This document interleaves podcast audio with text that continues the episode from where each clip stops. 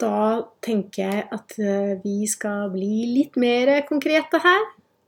I forrige runde så snakket vi om identitet.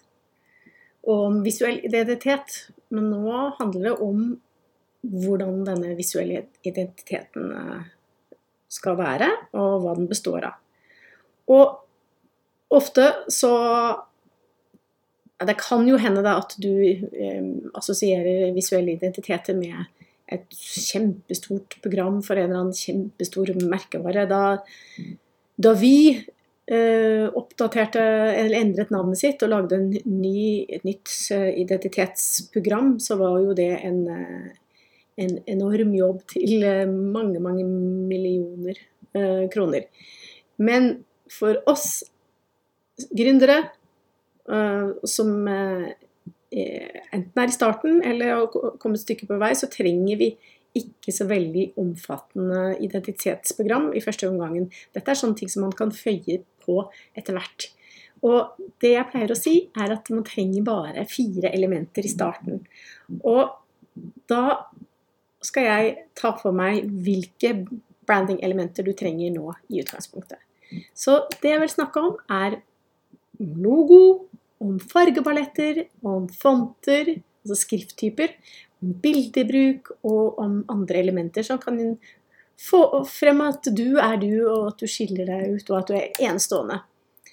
Så for å begynne å lage en eh, nettside, så det første jeg gjør, er å definere disse fire elementene.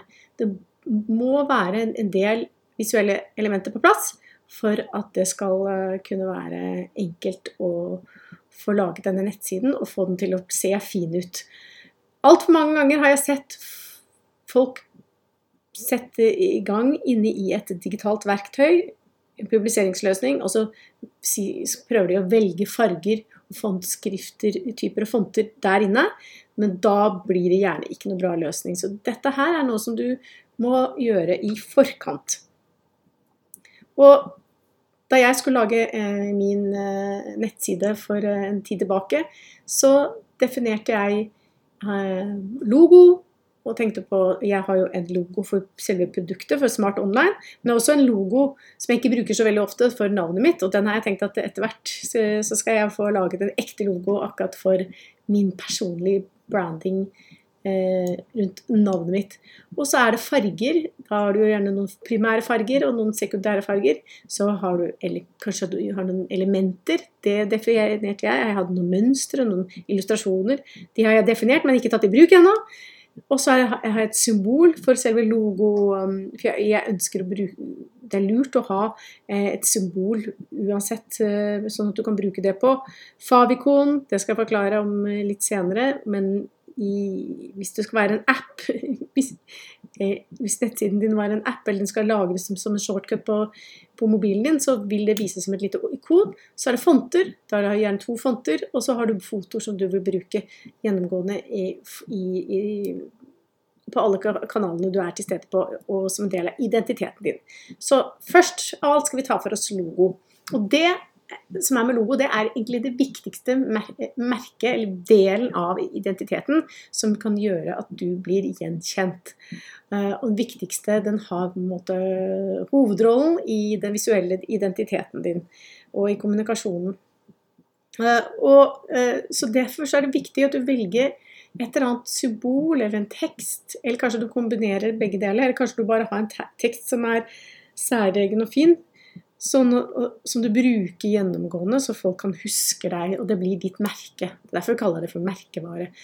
Hvis du tenker etter hvordan eh, noen kjente merkevarer er, eh, f.eks. sånn som Nike, har denne swooshen som de bruker Du vet at det er Nike, trenger ikke å stå at det er Nike. Det har, og eh, McDonald's har denne M-en.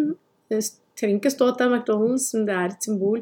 Og Shell har et skjell i i rødt og gult. Og så eh, Starbucks har denne havfruen i grønt, og så har du Apple som, som bruker dette eplet sitt. Så det er veldig, veldig sterke, kjente merkevarer. Og, og hvor de da eh, er så kjente at de ikke trenger å bruke noe skrift for å forklare navnet på dem. Men så fins det veldig mange merkevarer som bare uh, bruker skrift, uh, et skriftuttrykk i stedet. F.eks. som FedEx, eller som Coca-Cola, eller Cannon, eller IBM, eller Nintendo, eller Fila, eller Vimeo, eller New York Times, eller Subway. Det er alle sånne kjente merkevarer hvor de har en måte å skrive Eh, navnet på, som er en del av logoen.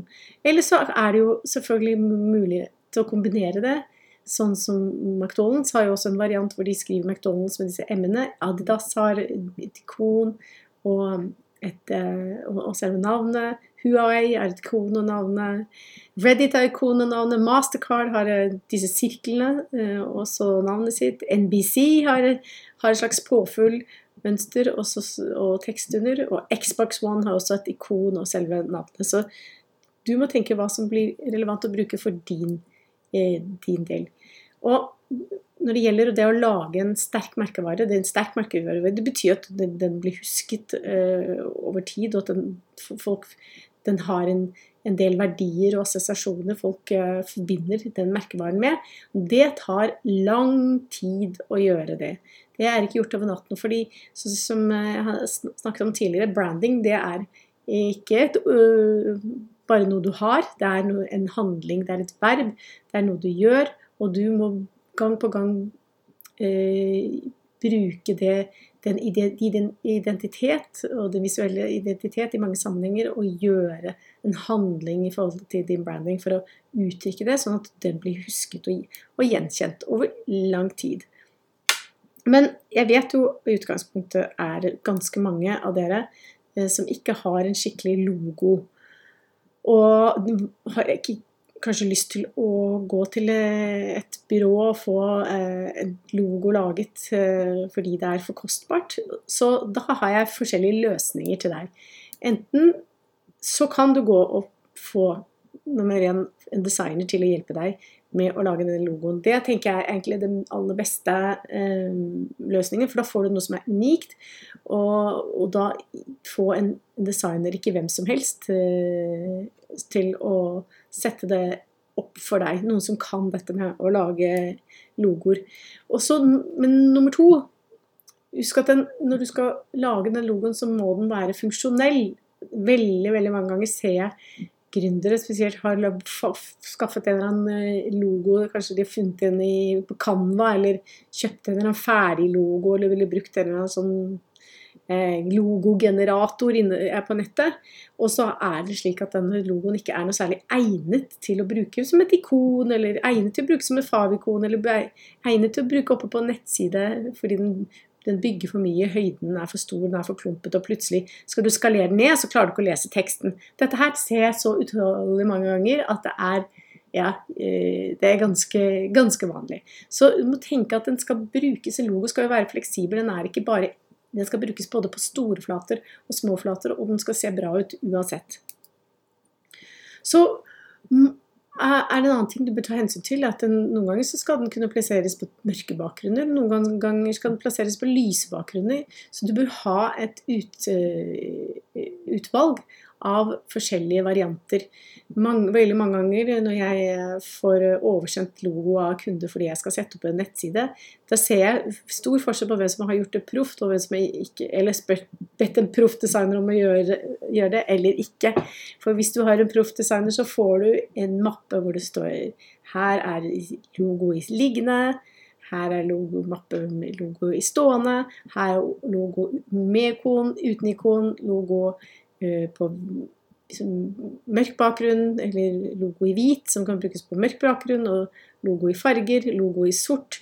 Og også, også, de forskjellige variantene som filformatene som du kan lage logoen i. En EPS eller en PNG eller en JPEG. Da vet jeg at da har de investert i en designer til å gjøre det. Men det må ikke være sånn. Det er det bare så du vet at det må ikke være sånn. Men det er det du bør sikte på etter hvert som du vokser og ah, kan investere i en, eh, en skikkelig logo. Og, er, og, når du har vokst da, så langt, og du investerer i en skikkelig logo, så bør du være, uh, varemerkeregistrere logoen uh, din, slik at ingen kan kopiere den logoen du har laget. Så så det er, det er, viktig at du bare tenker på eh, varianter av disse logoene. I hvert fall minimum at du har at den mørk, kan brukes på mørk bakgrunn, lys bakgrunn, med eller uten ikon. Så var det videre over til fargepalett. Og en fargepalett det er jo eh, egentlig et utvalg av farger du ønsker å bruke i din visuelle identitet. Og det er en veldig effektiv måte for å skape et gjenkjennelig uttrykk. Hvis du er flink og konsistent, det er det som er litt clouet her, til å bruke dette, denne paletten i alle sammenheng. Så det jeg rådde deg til å gjøre, er å velge tre, to, nei, tre, eh, nei, hva sier jeg, fire, mener jeg, farger uh, som går godt sammen, og som er unik og kan representere deg. For oss bare en liten sånn fun fact som jeg syns uh, er morsomt når det gjelder det å velge farger. Det er um, å se på de Juva kaller dette, human use of color, eller noe sånt var det jeg søkte etter. Som på Google, og da fant jeg dette som en oversikt som viste hvilke farger er det menn og dette er snakk om visuelle identiteter, ikke generelt sett hva de liker å ha på seg, eller hvordan de maler eh, veggene i huset sitt, men bruken av farver i visuelle identiteter for menn og kvinner. Og det som går igjen, er at eh, menn har jo, som du kanskje hadde antatt, en stor overvekt av eh, blåfarver, nesten. 42 blåfarve eh, liker de. Mens kvinner har ganske mye blåfarge, de 29% og, Men helt likt de 27% lilla og 19 grønn. Og menn også en del grønn og lilla og, og blå går igjen av de mest brukte. Men så er det hos kvinner er det større andel rosa, det er det 7% og, Men så er det nesten helt likt eh, når det gjelder rødt.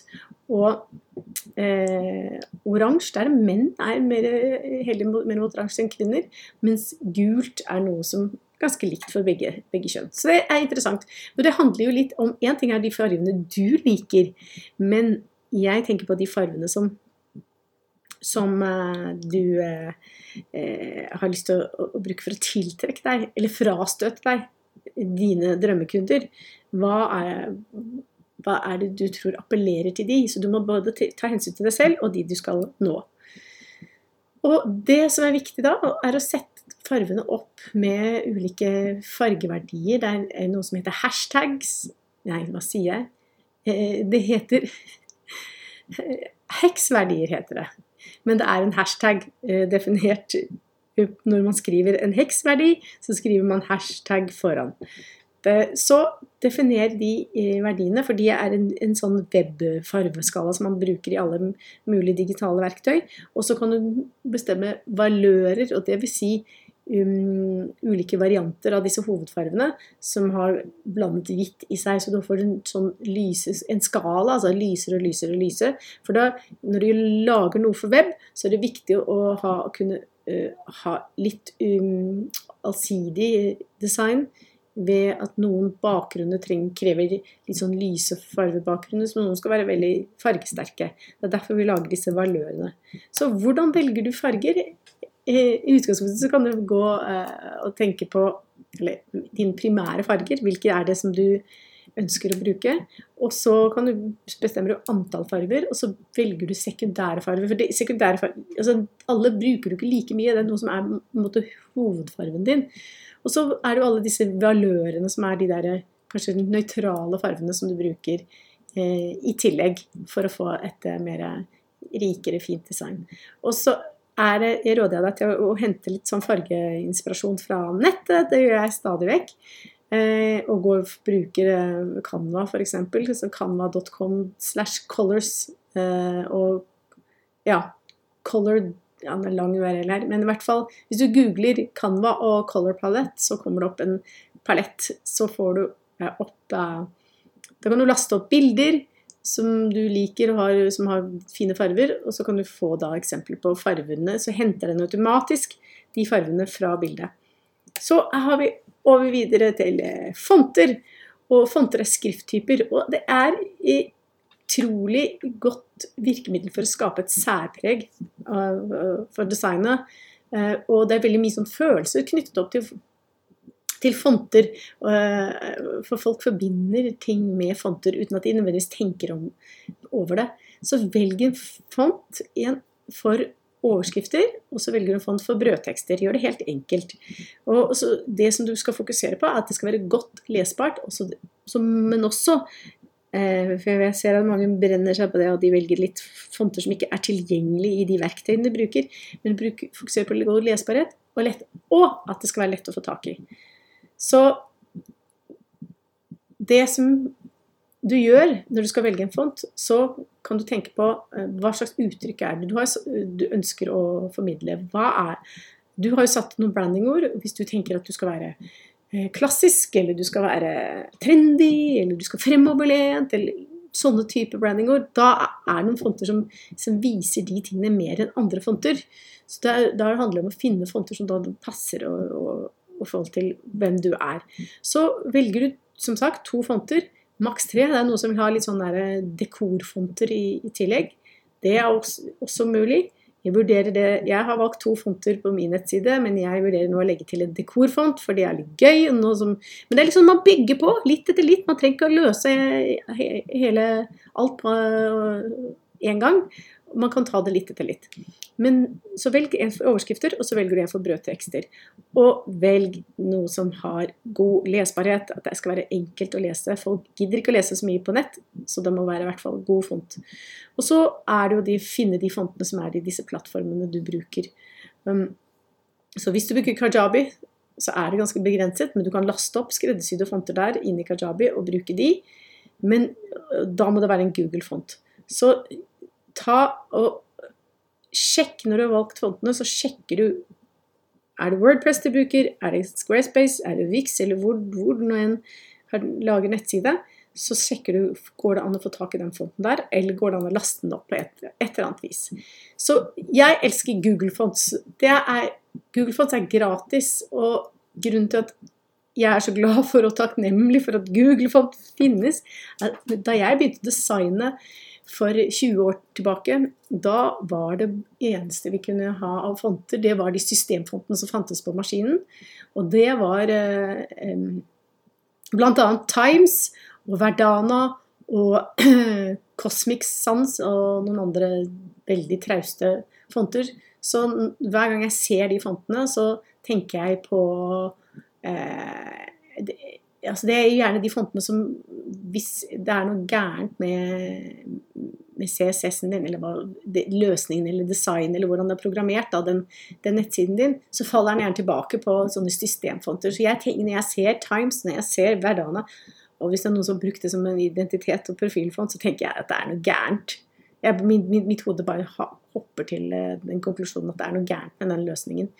Så jeg er jo litt ødelagt på den måten. Kanskje unge mennesker de har jo ikke det forholdet til disse systemfondene, så kanskje de, de syns dette her er helt uh, lovely og bare kjører på med Verdana.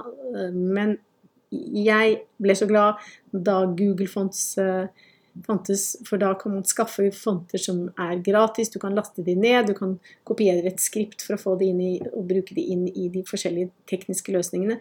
Og de er gode, og de er lesbare. og det er en del av de. Sånn at eh, gå inn på googlefonts.com, og så finn fontene der. Anbefaler jeg deg. Og så handler det jo om å finne en sånn font pairing, som det heter, som er, er god. Og det betyr altså et, et, par, en overskrift og en brødtekstfont, og som passer til hverandre.